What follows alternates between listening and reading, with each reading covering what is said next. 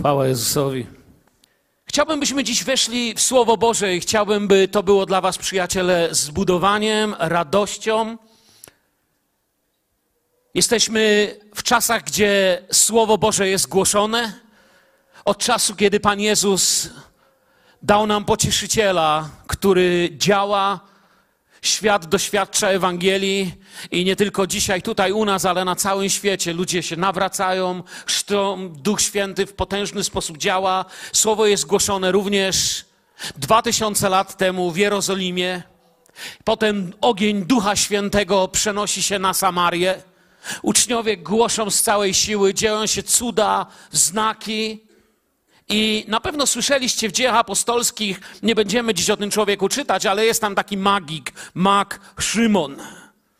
On zawsze robił magię, robił sztuczki, ludzie go podziwiali, szanowali, ale to, co się zaczęło dziać przez Ducha Świętego, to nawet magikowi się w głowie nie mieściło.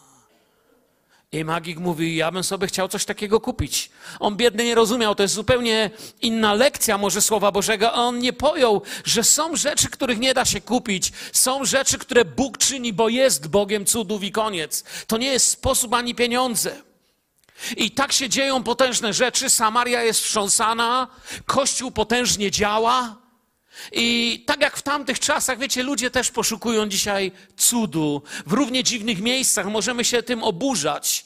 Może nas dziwić, dlaczego ludzie sięgają gdzieś po jakieś tam magiczne sztuczki, horoskopy, sposoby, takie układy, próbują coś odkryć. Ja myślę, że my mamy najprostszy, najradośniejszy, najbardziej jasny i działający sposób. Jezus żyje, przyjdź do Jezusa.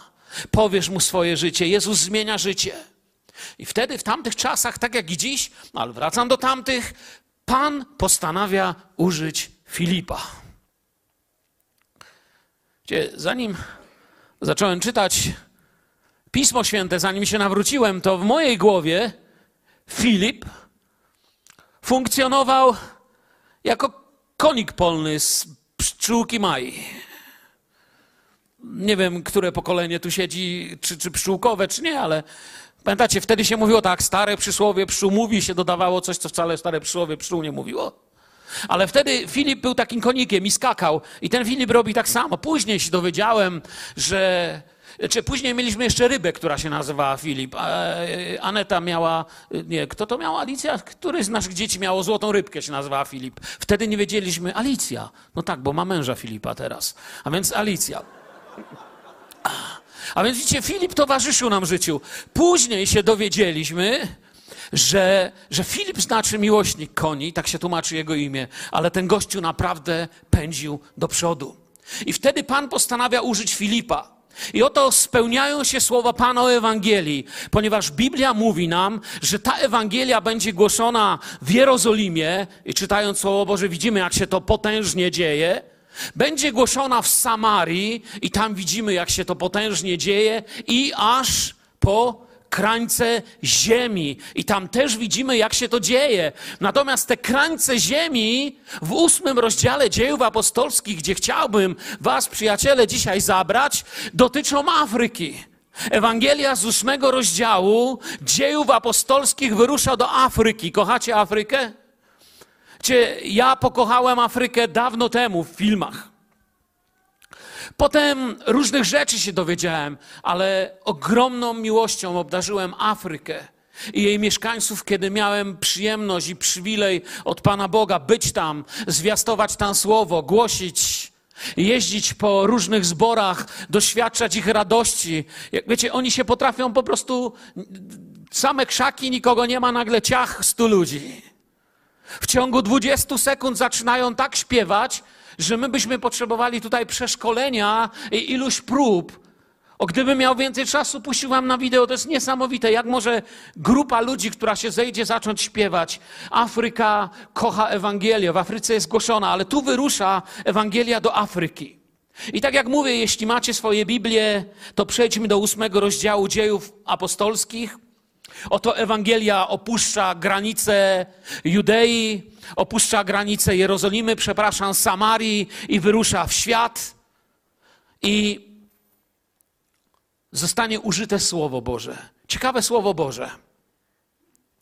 jakieś plus minus 700 lat przed ósmym rozdziałem dziejów apostolskich, jakieś 700 lat nawet przed narodzeniem plus minus Pana Jezusa, prorok zobaczył w Bożym sercu krzyż. Modlił się, nie wiem jak to było, nie wiem jak nim to wstrząsnęło, ale zobaczył, jak mówię, plus minus 700 lat do Golgoty jeszcze, ale on ujrzał, że Bóg ma w sercu krzyż. Z jego miłością była ta hańba jego syna. Było tam coś, co nim wstrząsnęło i napisał potężne słowa, które tutaj zostaną użyte.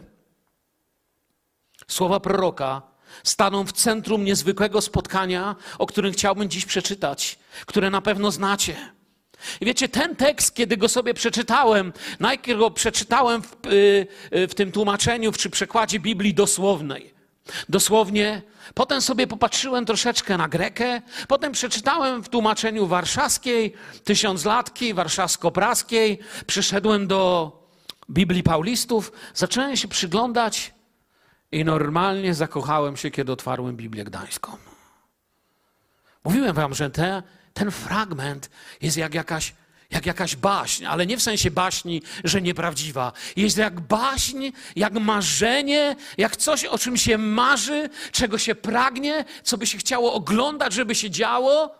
I Biblia Gdańska tak pięknie o tym pisze, że, że chociaż to jest prawdziwa Ewangelia, dzieją się ważne, prawdziwe rzeczy, no bo kto z nas nie chciałby być używany przez Boga, ale ja Wam powiem, to jest y, w tym najbardziej pozytywnym znaczeniu słowa baźń, marzenie i sen Moje pragnienie, mój sen, używaj nas, Panie, używaj mojego życia, żeby moi bliscy, ludzie, których kocham i ten świat, poznali Jezusa. Amen.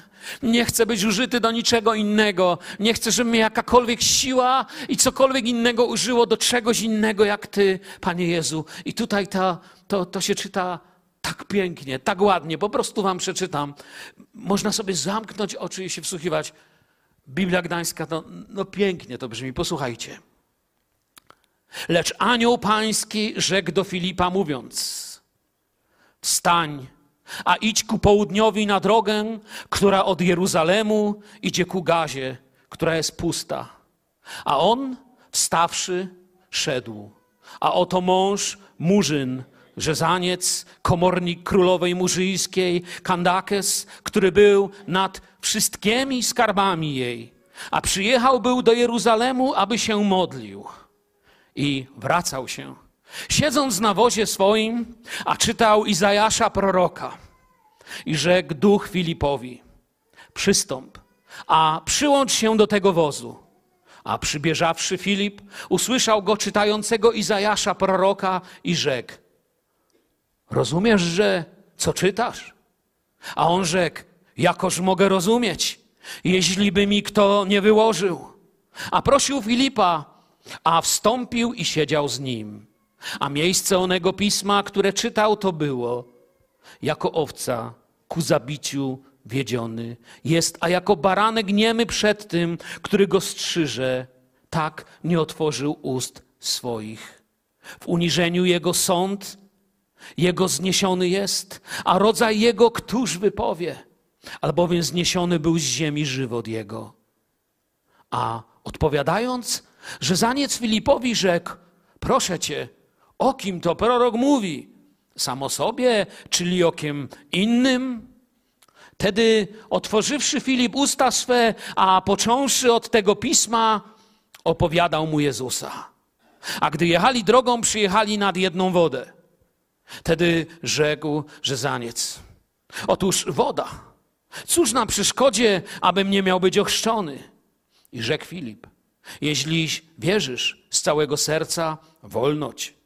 A on odpowiedziawszy rzekł, wierzę, iż Jezus Chrystus jest Syn Boży. I kazał stanąć wozowi i zstąpili obadwaj w wodę, Filip i Rzezaniec, i ochrzcił go.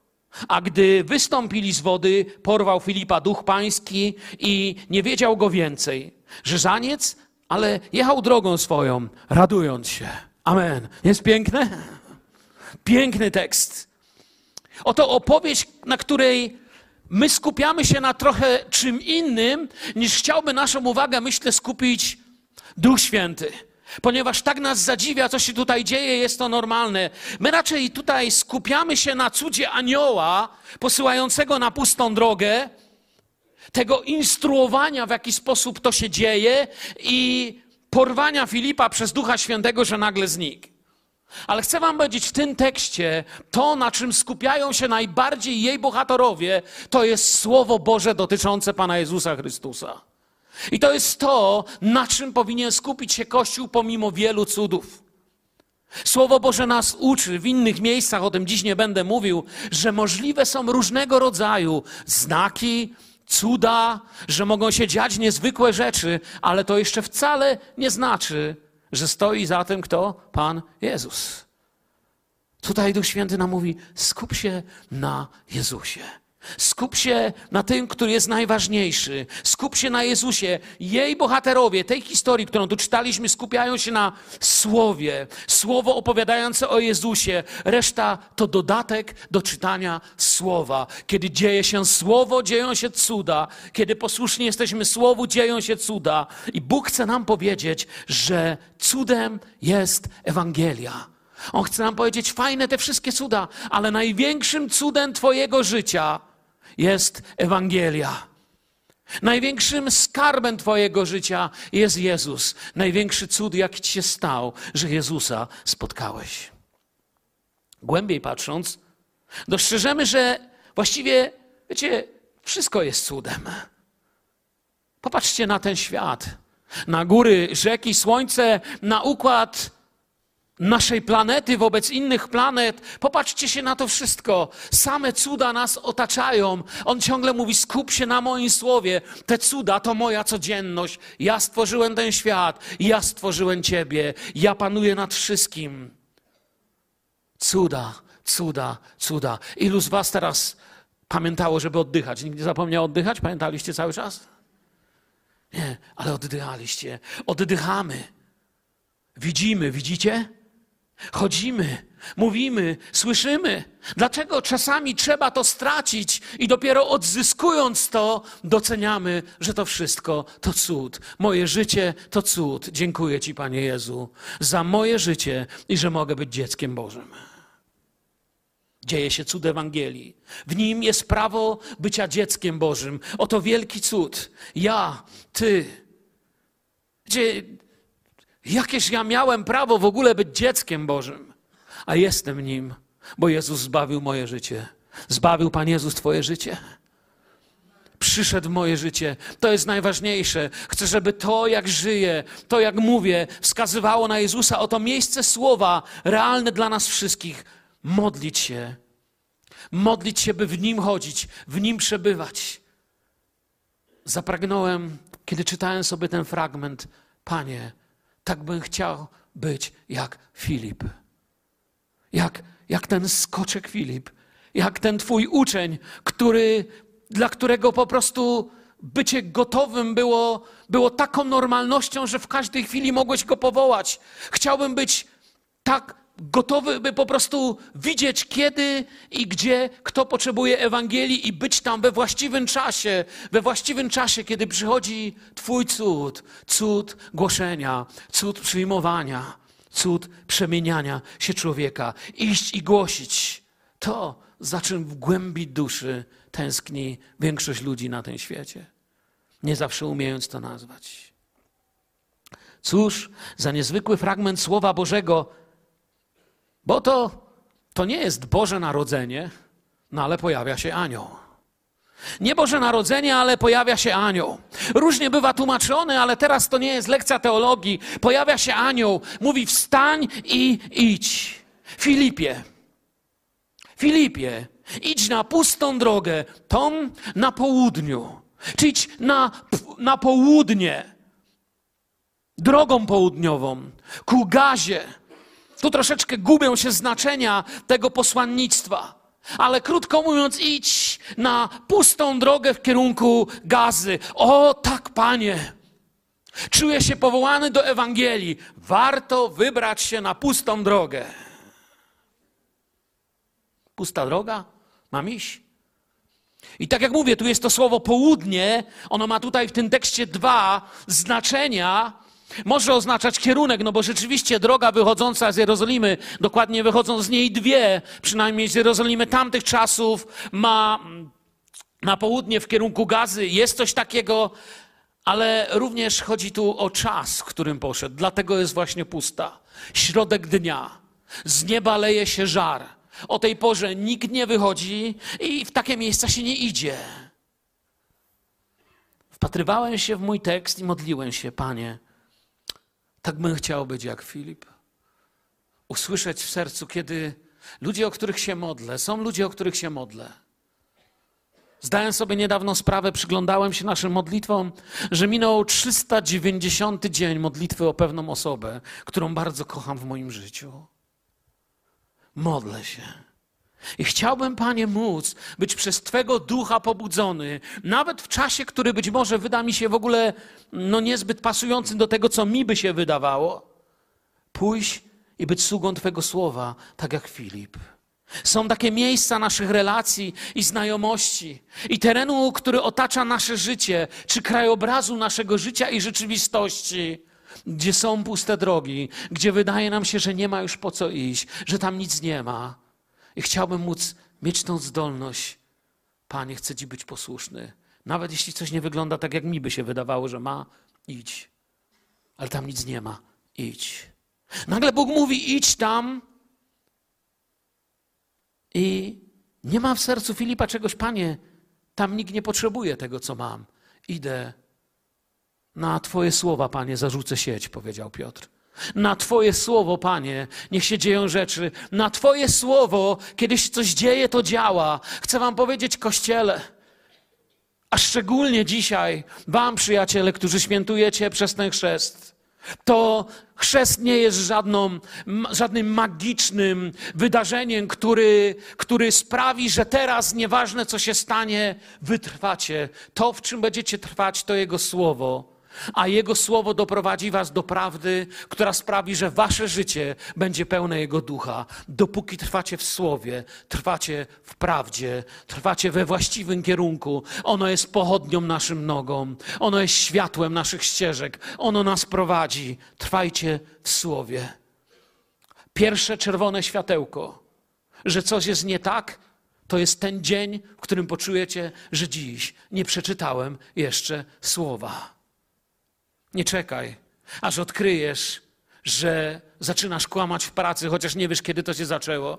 Nie czekaj, aż odkryjesz, że pomiędzy Twoją żoną i Tobą, czy pomiędzy mężem i Tobą jest taka przepaść, że już jej nie możesz wypełnić. Pierwsze czerwone światełko które się świeci i sygnalizuje brak w Twoim życiu oleju, brak w Twoim życiu tego, na czym, do, na czym do tej pory jedziesz. Jeżeli chcesz zachować cały komfort, całe szczęście Twojej podróży przez ten nieprosty przecież świat, to niech czerwoną kontrolką w Twoim, moim i życiu każdego z nas będzie to, Ty czy dzisiaj czytałeś Słowo, czy Słowo Cię może pouczać, posyłać, używać i po prostu czynić gotowym na usłyszenie tego, co ma dla ciebie Duch Święty. Tam jest wszystko, co trzeba. Filip nie filozofuje, był gotowy. Tak chcę tej gotowości Filipa. Gotowość do słowa to ta ukryta lekcja tego tekstu. Nie będziemy gotowi na prowadzenie Duchem Świętym, trwając w jakichś naszych upartościach, ale właśnie trwając w Słowie Bożym. Ewangelia, wiecie, w pozornym bezsensie na pustej drodze znajduje na pustej drodze pustego człowieka. Ktoś powie, no znalazł się tam Filip? Pewnie przypadek. Wiecie, co znaczy przypadek? Już kiedyś podawałem definicję przypadku. Nie wiem, jaka jest definicja przypadku w filozofii, nie wiem, jaka jest definicja w tym świecie, ale najbardziej mi się podoba, nie wiem nawet kto to powiedział, że przypadek to Duch Święty incognito. I tutaj to widać. Znajdują się na drodze i w rydwanie siedzi kto? Etiopczyk. Urzędnik Królestwa Nubii. Oczywiście nie chodzi o dzisiejszą Etiopię. Centrum królestwa było raczej w okolicach dzisiejszego Hartumu, gdzieś, gdzie, gdzieś tam. Miasto nazywało się Meroe, z którego pochodził. To wiemy na pewno. I panowała tam królowa. Nie wiemy, jak się nazywała. Nie wiemy więc dokładnie, o którą chodzi. Historycy mają przypuszczenia. Mógłbym teraz o tym tutaj 15 minut mówić, ale to nie chodzi o to. Królowa miała tytuł Kandaki. To wiemy, co oznaczało władczynię, matkę, e, zarządzała królestwem, dynastią.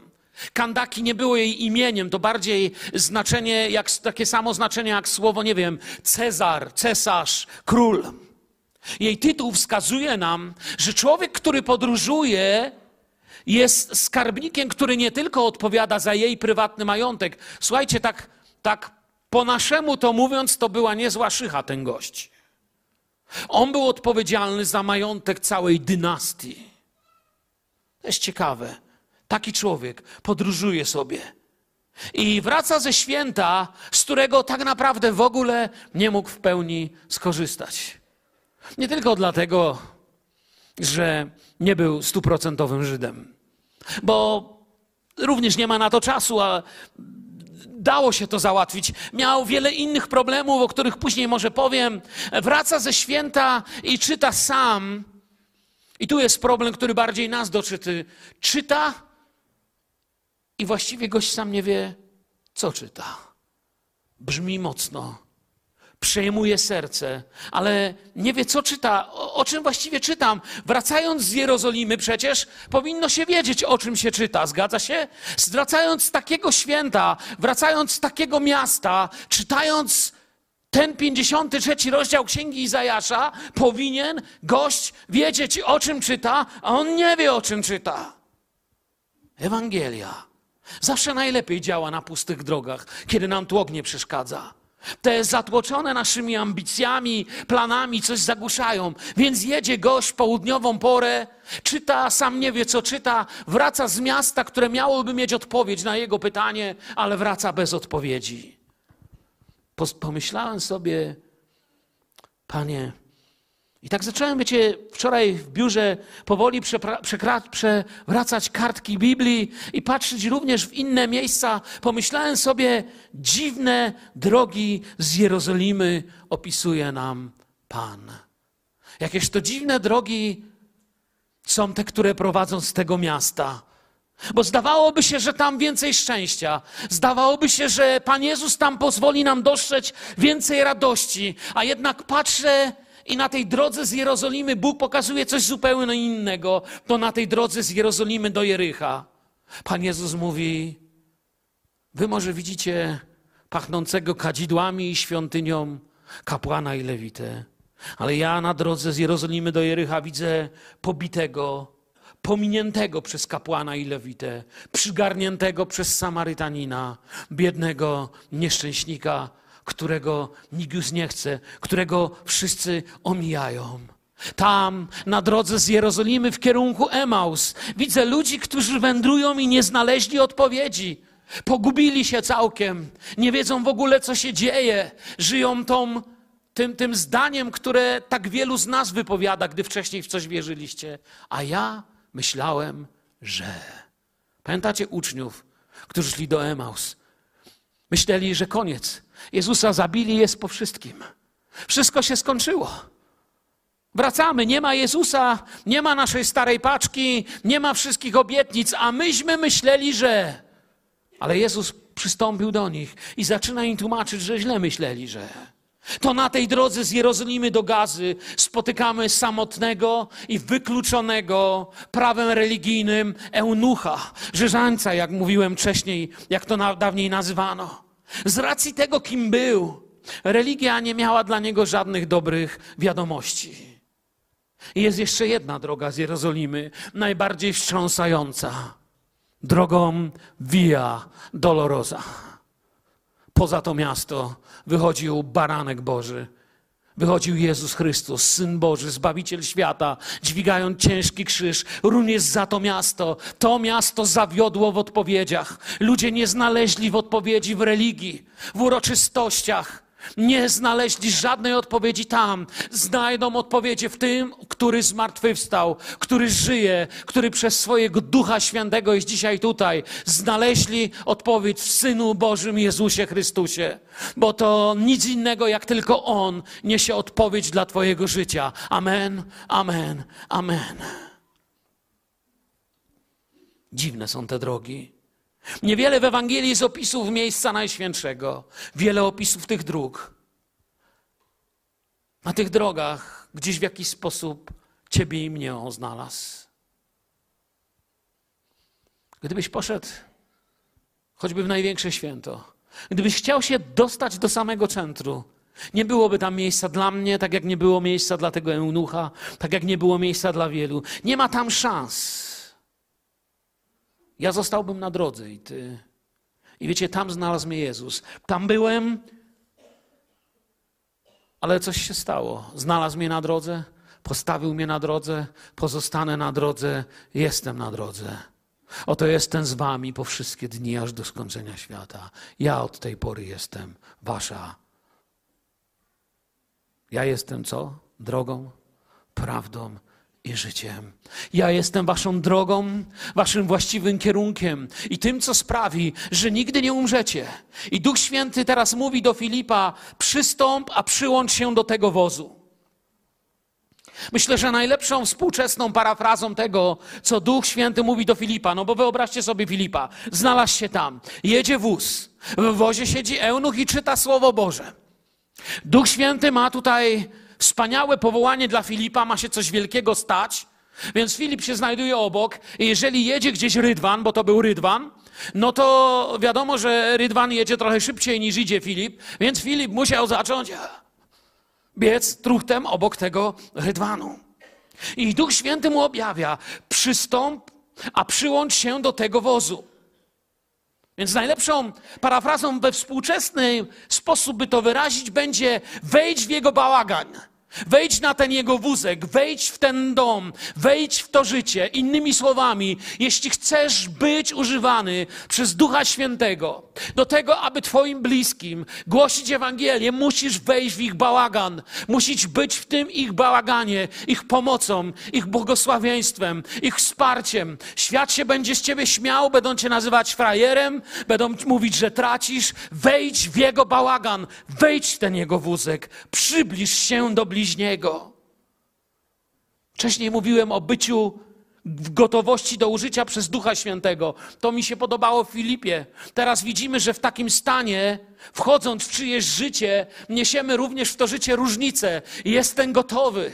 Jaką różnicę mogę wnieść w życie moich bliskich i tego miasta, jeżeli w moim życiu będą brudy, korupcja, Grzech, nieczystość, co ja im mogę powiedzieć, co duch może zrobić, jak mnie może użyć, ale chcę i dzisiaj z Wami chcę się modlić. Bądźmy ludźmi gotowymi do dyspozycji Ducha Świętego, nie bojącymi się przybliżyć do naszych bliźnich. Nie patrz na to, jakie ma poglądy, albo, ale, ale on, on jest, nie wiem, on jest buddystą, on jest lewakiem, on jest prawakiem, on jest faszystą i wymienić można wszystkie izmy i inne różne rzeczy. Nie patrz się na to. Duch Święty mówi: przyjdzie czas. Módl się o tych, których kochasz. Poślę cię, a ty przybliż się i wejdź w ich życie, bo ja mam coś dla nich. To nie twój dar tam niesiesz, mój dar tam niesiesz. Największy dar, jaki może dostać żywy na tym świecie człowiek. Jezusa Chrystusa, Jego Ewangelię. Kto się ze mną zgadza? Chwała Jezusowi. A więc Filip podbiega do jadącego wozu. Mamy więc póki co gotowość i przybliżenie się. Teraz był gotowy, przybliżył się i co robi? Wiecie, ile razy ja popełniałem ten błąd w głoszeniu Ewangelii? Nie wiem, czy już mnie rozumiecie, o czym teraz mówię. Zrozumieliście? A? Podchodzimy do kogoś, komu chcemy głosić Ewangelię, tyle tylko, że w ogóle nie mamy ochoty go wysłuchać. Z czym się zmaga, co przeżywa. Co naprawdę myśli ten człowiek? A więc mamy póki co gotowość, przybliżenie się, ale teraz sługa Ewangelii słucha i Słowo Boże nam mówi tak, usłyszał jak tamten czytał proroka Izajasza. Mamy napisane w tłumaczeniu Biblii Warszawskiej. Ciekawe, Mnie to zastanawiało. Czytam i zamiast się skupić na tym, aha, duchowo się robi, usłyszał, że tamten czyta proroka Izajasza, przychodzi mi dziwna myśl do głowy. Ciekawe, czy dalej biegnie i słucha. Słuchanie wkłada w nasze głoszenie, w kontekst, wkłada nas, o tak powiem, w kontekst życia bliźniego. Podchodzi bliźni i mówi: Mam problem. I opowiada o finansach, o chorobie, o depresji, o trwodze, o biedzie, albo już mówi: W ogóle słów nie mam. I wiecie, co za piękne odkrycie. Czy wiecie, że na temat każdej z tych rzeczy Pan Jezus ma najlepszą odpowiedź dla człowieka? Ja wam głoszę coś, czego sam się uczę. Nie jako nauczyciel, a jako uczeń się z wami dziś dzielę. Że to jest coś, co, co musimy chcieć nauczyć, być gotowym. Być tym, który się przybliży do ich problemu i być tym, który chce posłuchać. Słuchanie włoży nas z całą naszą miłość i mądrość, którą mamy przez Słowo Boże, nie z nas, ale przez Bożą łaskę, poznawszy Słowo, włoży w życie naszego bliźniego przez głoszenie Ewangelii. Trwa pytanie dotyczące Boga. A Ewangelia? Ewangelia niesie odpowiedź. Więc mamy teraz gotowość, przybliżenie się i słuchanie. Kiedy się kończy słuchanie, sługa Ewangelii zaczyna rozmawiać i nie zajmuje się tym, co nie trzeba. Nie pyta się, a jak wy tam politycznie w, tym, w tej nubii? Czy aby na pewno jesteście proizraelscy? Czy aby na pewno nie jesteście za lewicowi? Czy aby to jest wszystko w porządku, że akurat babka wami rządzi? Czy akurat tak i tak? On się nie zajmuje polityką. On się zajmuje tym, czym ma się naprawdę zajmować. Zaczyna rozmawiać o tym, co obchodzi człowieka w jego życiu, a nie o swoich poglądach, bo w końcu nasze drogi zawsze dojdą do miejsca pytań. Jak dobrze, kiedy na mieście, kiedy w okolicy są słudzy Boży, którzy mają serce, mają miłość, mają gotowość mieć odpowiedź na pytania, które zadaje świat, a nie na odpowiedzi na pytania, których nikt nie zadaje. Czy rozumiesz, co czytasz? Jakżebym mógł, jeśli mnie nikt nie pouczył, i poprosił Filipa, aby wsiadł i zajął przy nim miejsce, no już nie biegnie. Siadł i zajął przy nim miejsce. I teraz widzę, że Ewangelia to wysiłek to bieg, a świat jedzie do przodu, a więc Ewangelia to bycie gotowym. Panie, poślij mnie, nigdzie sam nie idę. Panie, chcę się przybliżyć, chcę się utożsamić, chcę ich posłuchać i chcę im powiedzieć, że nieważne, który ze 100 miliardów, 153 problemów, problemów tego świata mają, to Ty masz odpowiedź na każdy z tych problemów w Twoim słowie.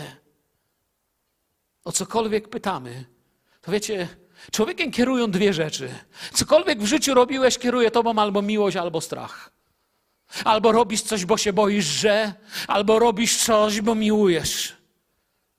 Kiedy robisz coś ze strachu, to musisz brać z tego świata, brać z bliźnich i tylko czerpać. Ale kiedy zaczynasz czynić coś z miłości, zaczynasz siebie dawać innych, a czerpiesz z Boga. I On ma coś dla niego. Bo cokolwiek pytamy, powtórzę, tak naprawdę pytamy o miłość. Ludzie mówią, że o różne rzeczy im chodzi, ale człowiek chce znaleźć miłość, zbawcę, cud zmiany. A więc mamy teraz gotowość, przybliżenie się, słuchanie, ważną odpowiedź na pytanie życia.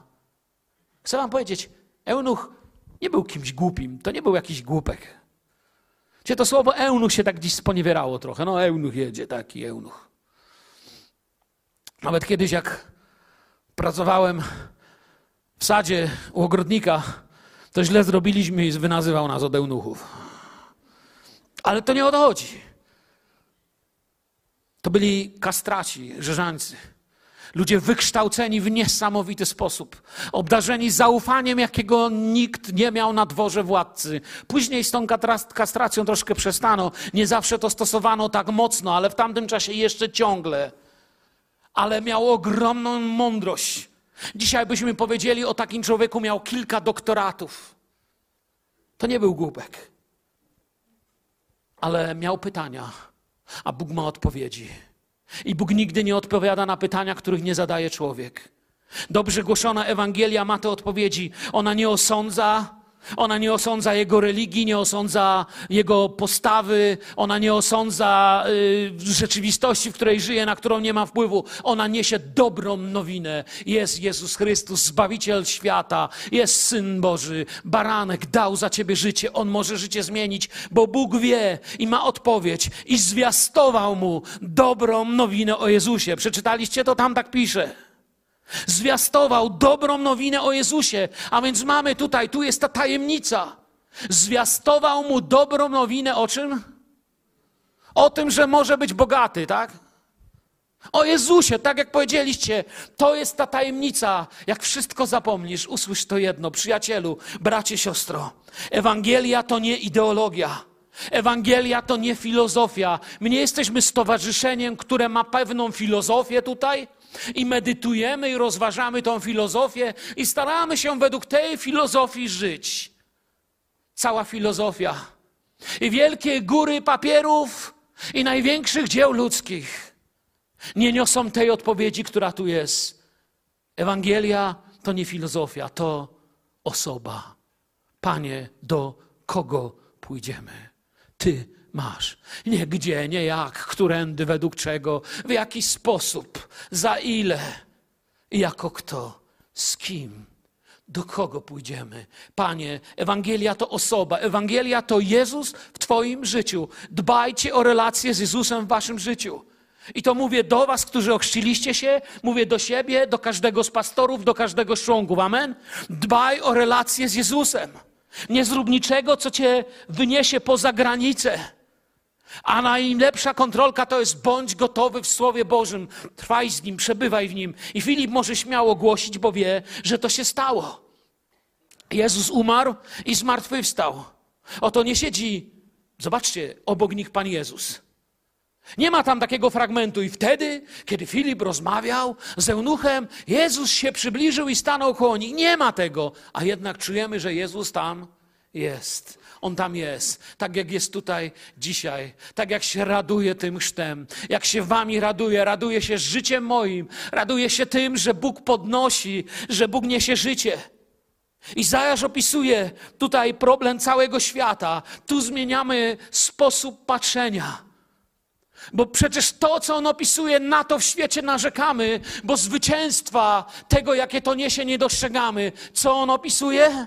Niewinny cierpi, niewinny niesie krzyż. No przecież to nas najbardziej denerwuje, irytuje, rozczarowuje w tym świecie, że dobrzy ludzie są oszukiwani, że dobrych ludzi się oszukuje, że cierpią niewinni, że największe łobuzy i zbrodniarze tego świata dożywają spokojnej starości, a biedaka się gna i wyniszcza.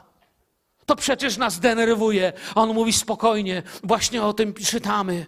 Zło wydaje się zwyciężać, a dobro milczeć. Jeżeli jesteś synem Bożym, zejdź z krzyża. Pokaż nam. Ale Bóg milczy.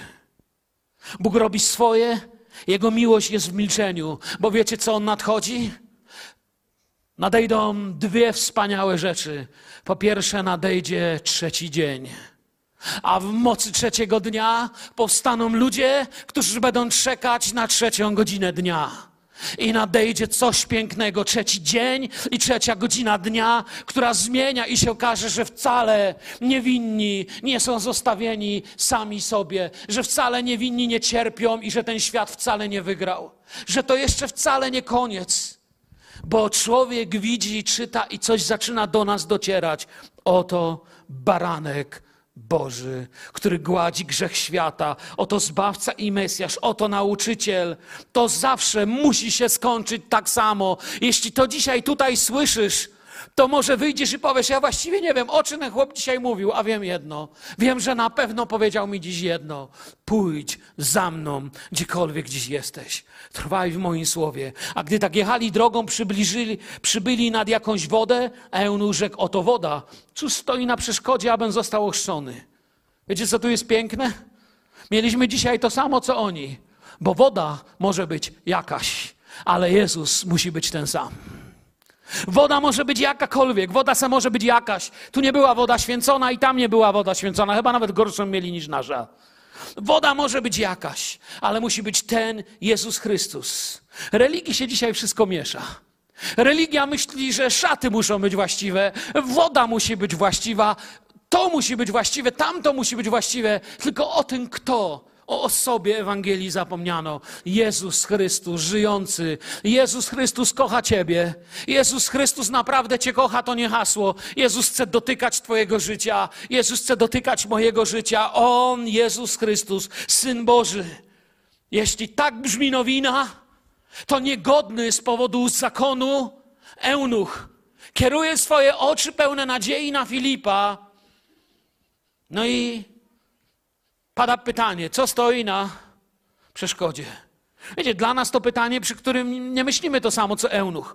W 5 Mojżeszowej 23.2 mówi, 5 Mojżeszowa 23.2, przepraszam, mówi, że eunuch nie może wejść do zgromadzenia pańskiego. Eunuch ani nawet dziecko z nieprawego łoża. Zakon jest bardzo tutaj surowy. Nie miał wstępu i najmniejszej szansy wejścia do świątyni. On nawet nie mógł biedak przejść na judaizm, nawet nie mógł prozelitą być. Lecz Bóg mówi: spójrz wyżej, spójrz na Golgotę i zobacz mój krzyż. Oto kładę most pomiędzy ziemią i niebem. I tak Bóg umiłował świat, że dał syna swojego jednorodzonego. Dał Tobie i mi Jezusa Chrystusa, abyśmy w nim mogli odnaleźć pokój. Nie miał wstępu, ale nagle otwiera się wstęp. Golgota i łaska są wyżej niż wszystkie te wymagania. Zapytałeś Jezusa? Bo jak zapytałeś zakon, dostaniesz odpowiedź zakonu. Przestrzegasz zakon, nie ma problemu, będziesz miał sąd zakonu, ale jeżeli zapytałeś Jezusa, naśladujesz Jezusa, to, to zupełnie inaczej patrzysz na sąd i zupełnie inne odpowiedzi dostaniesz. Zapytałeś Jezusa, to dam ci odpowiedź Jezusa. Jeśli wierzysz z całego serca, możesz. Możesz. Odpowiadając, że wierzę, że Jezus Chrystus jest Synem Bożym, to jest to, co oni wyznali, co ty wyznałeś, to to wystarczy. Chodź, kochany przyjacielu z Afryki. Oto woda, co stoi na przeszkodzie. Nic, przyjacielu, nie stoi na przeszkodzie. Oto woda, co stoi na przeszkodzie, żebyś wyruszył w drogę wiary. Oto Twoje życie. Zamknij drzwi za tamten, co stary. Nie nieś niepotrzebnych ciężarów. I kazał zatrzymać wóz, zeszli obaj Filip i Eunuch do wody i ościł go. Kiedy spotkał Rydwan, Filip musiał biec Teraz wychodzą razem i idą do wody. Widzę ich tu pisze, zeszli obaj, idą razem. Bez technicznych szczegółów. Nie wyjaśnia, którędy. A słudzy dywan czerwony rozwinęli w kierunku wody. Nic. Idą sobie do wody. Gdy zaś wyszli z wody, piękne, duch pański porwał Filipa i eunuch nie ujrzał go więcej, lecz radując się jechał dalej. Przed chwilą szli razem. Ale po tej drugiej stronie wody dalej są razem, wiecie o tym? Bo chociaż Duch Święty zabrał Filipa gdzie indziej, to już jest dwóch ludzi, którzy głoszą Ewangelię. Ten zawiezie Ewangelię do swego królestwa. Filip będzie działał gdzie indziej. Już jest dwóch. On nie został naśladowcą Filipa. Nie ochrzciliśmy dzisiaj tutaj ludzi, by zostali naśladowcą pastorów albo naszego zboru. Ochrzciliśmy ludzi, byśmy się wszyscy, tak jak tu jesteśmy, stawali naśladowcami Jezusa. Gdzie jest dziś Twój problem? Czy nie jesteś tak blisko, że On Cię może w każdej chwili powołać? A może nie masz cierpliwości się przybliżyć i posłuchać? A może myślisz, że już nie ma sensu? Wierzę, że to jest dobry czas dzisiaj w niedzielę, zanim pójdziemy do domu, pomodlić się, bo naprawdę Ewangelia musi być głoszona, bo naprawdę włączcie sobie wiadomości. Na tym świecie jest coraz mniej dobrych wiadomości. A Duch Święty nam ciągle powtarza: Słuchajcie, wy macie dobrą wiadomość. Został ambasadorem radości zbawienia. Już go nie obsługiwano. On poszedł służyć dalej. Eusebiusz z Cezarei napisze o nim w historii Kościoła taki cytat, którym chcę skończyć. On pierwszy, jak mówi podanie, po powrocie do ojczyzny głosił znajomość Boga wszechrzeczy i opowiadał o życiodajnym zamieszkaniu Zbawiciela naszego pośród ludzi. I to jest to, do czego jesteśmy powołani. Jeżeli jesteś dziś człowiekiem, który wyjedzie samochodem przez tą bramę albo pójdzie na przystanek autobusowy przez tą bramę, I możesz o sobie powiedzieć: Mam w sobie życiodajne przesłanie o Jezusie Chrystusie, który żyje i ma odpowiedź dla ludzi. To nie przychodź tu dzisiaj po modlitwę. Ale jeżeli niesiesz w sobie bagaż, smutek, ciężar, to przyjdź dziś tutaj po modlitwę braci. Ja chcę poprosić teraz, kiedy jeszcze mówię, wszystkich starszych zboru i pastorów, stańcie tu twarzą do zborowników. Proszę, przyjdźcie. A was, kochani, jeżeli masz dziś wyjść przez to miejsce i nie masz w sobie, jak to napisał Eusebiusz, życiodajnej radości Jezusa, którą mógłbyś się podzielić z tymi, których kochasz, to ci bracia nie mają odpowiedzi na wszystkie pytania świata. Jezus je ma, ale oni się z Tobą chcą pomodlić. Wstańmy dzisiaj. Jeżeli będziesz stał i nie musisz tu przychodzić, to pamiętaj, nie stój bezmyślnie. Masz w pełni Ducha Świętego, masz zdolność i obdarowanie, aby modlić się o tych, którzy tu przyjdą. Zapraszam do modlitwy. Wstańcie proszę do modlitwy wszyscy, cały kościele, wstańmy. Spędźmy teraz chwilę w modlitwie. Zanim pójdziemy do domów, nie wychodź z tego miejsca, jeżeli nie niesiesz w sobie życiodajnej radości Jezusa, którym się możesz dzielić.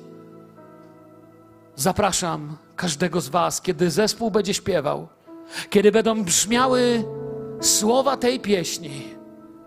Nie stój tam bezmyślnie, chodź tutaj. Dlaczego by się nie pomodlić? Dlaczego wracać takim, jakim się przyszło? Chodź do nas do przodu. Pomódlmy się, bo sprawa jest ważna. Amen.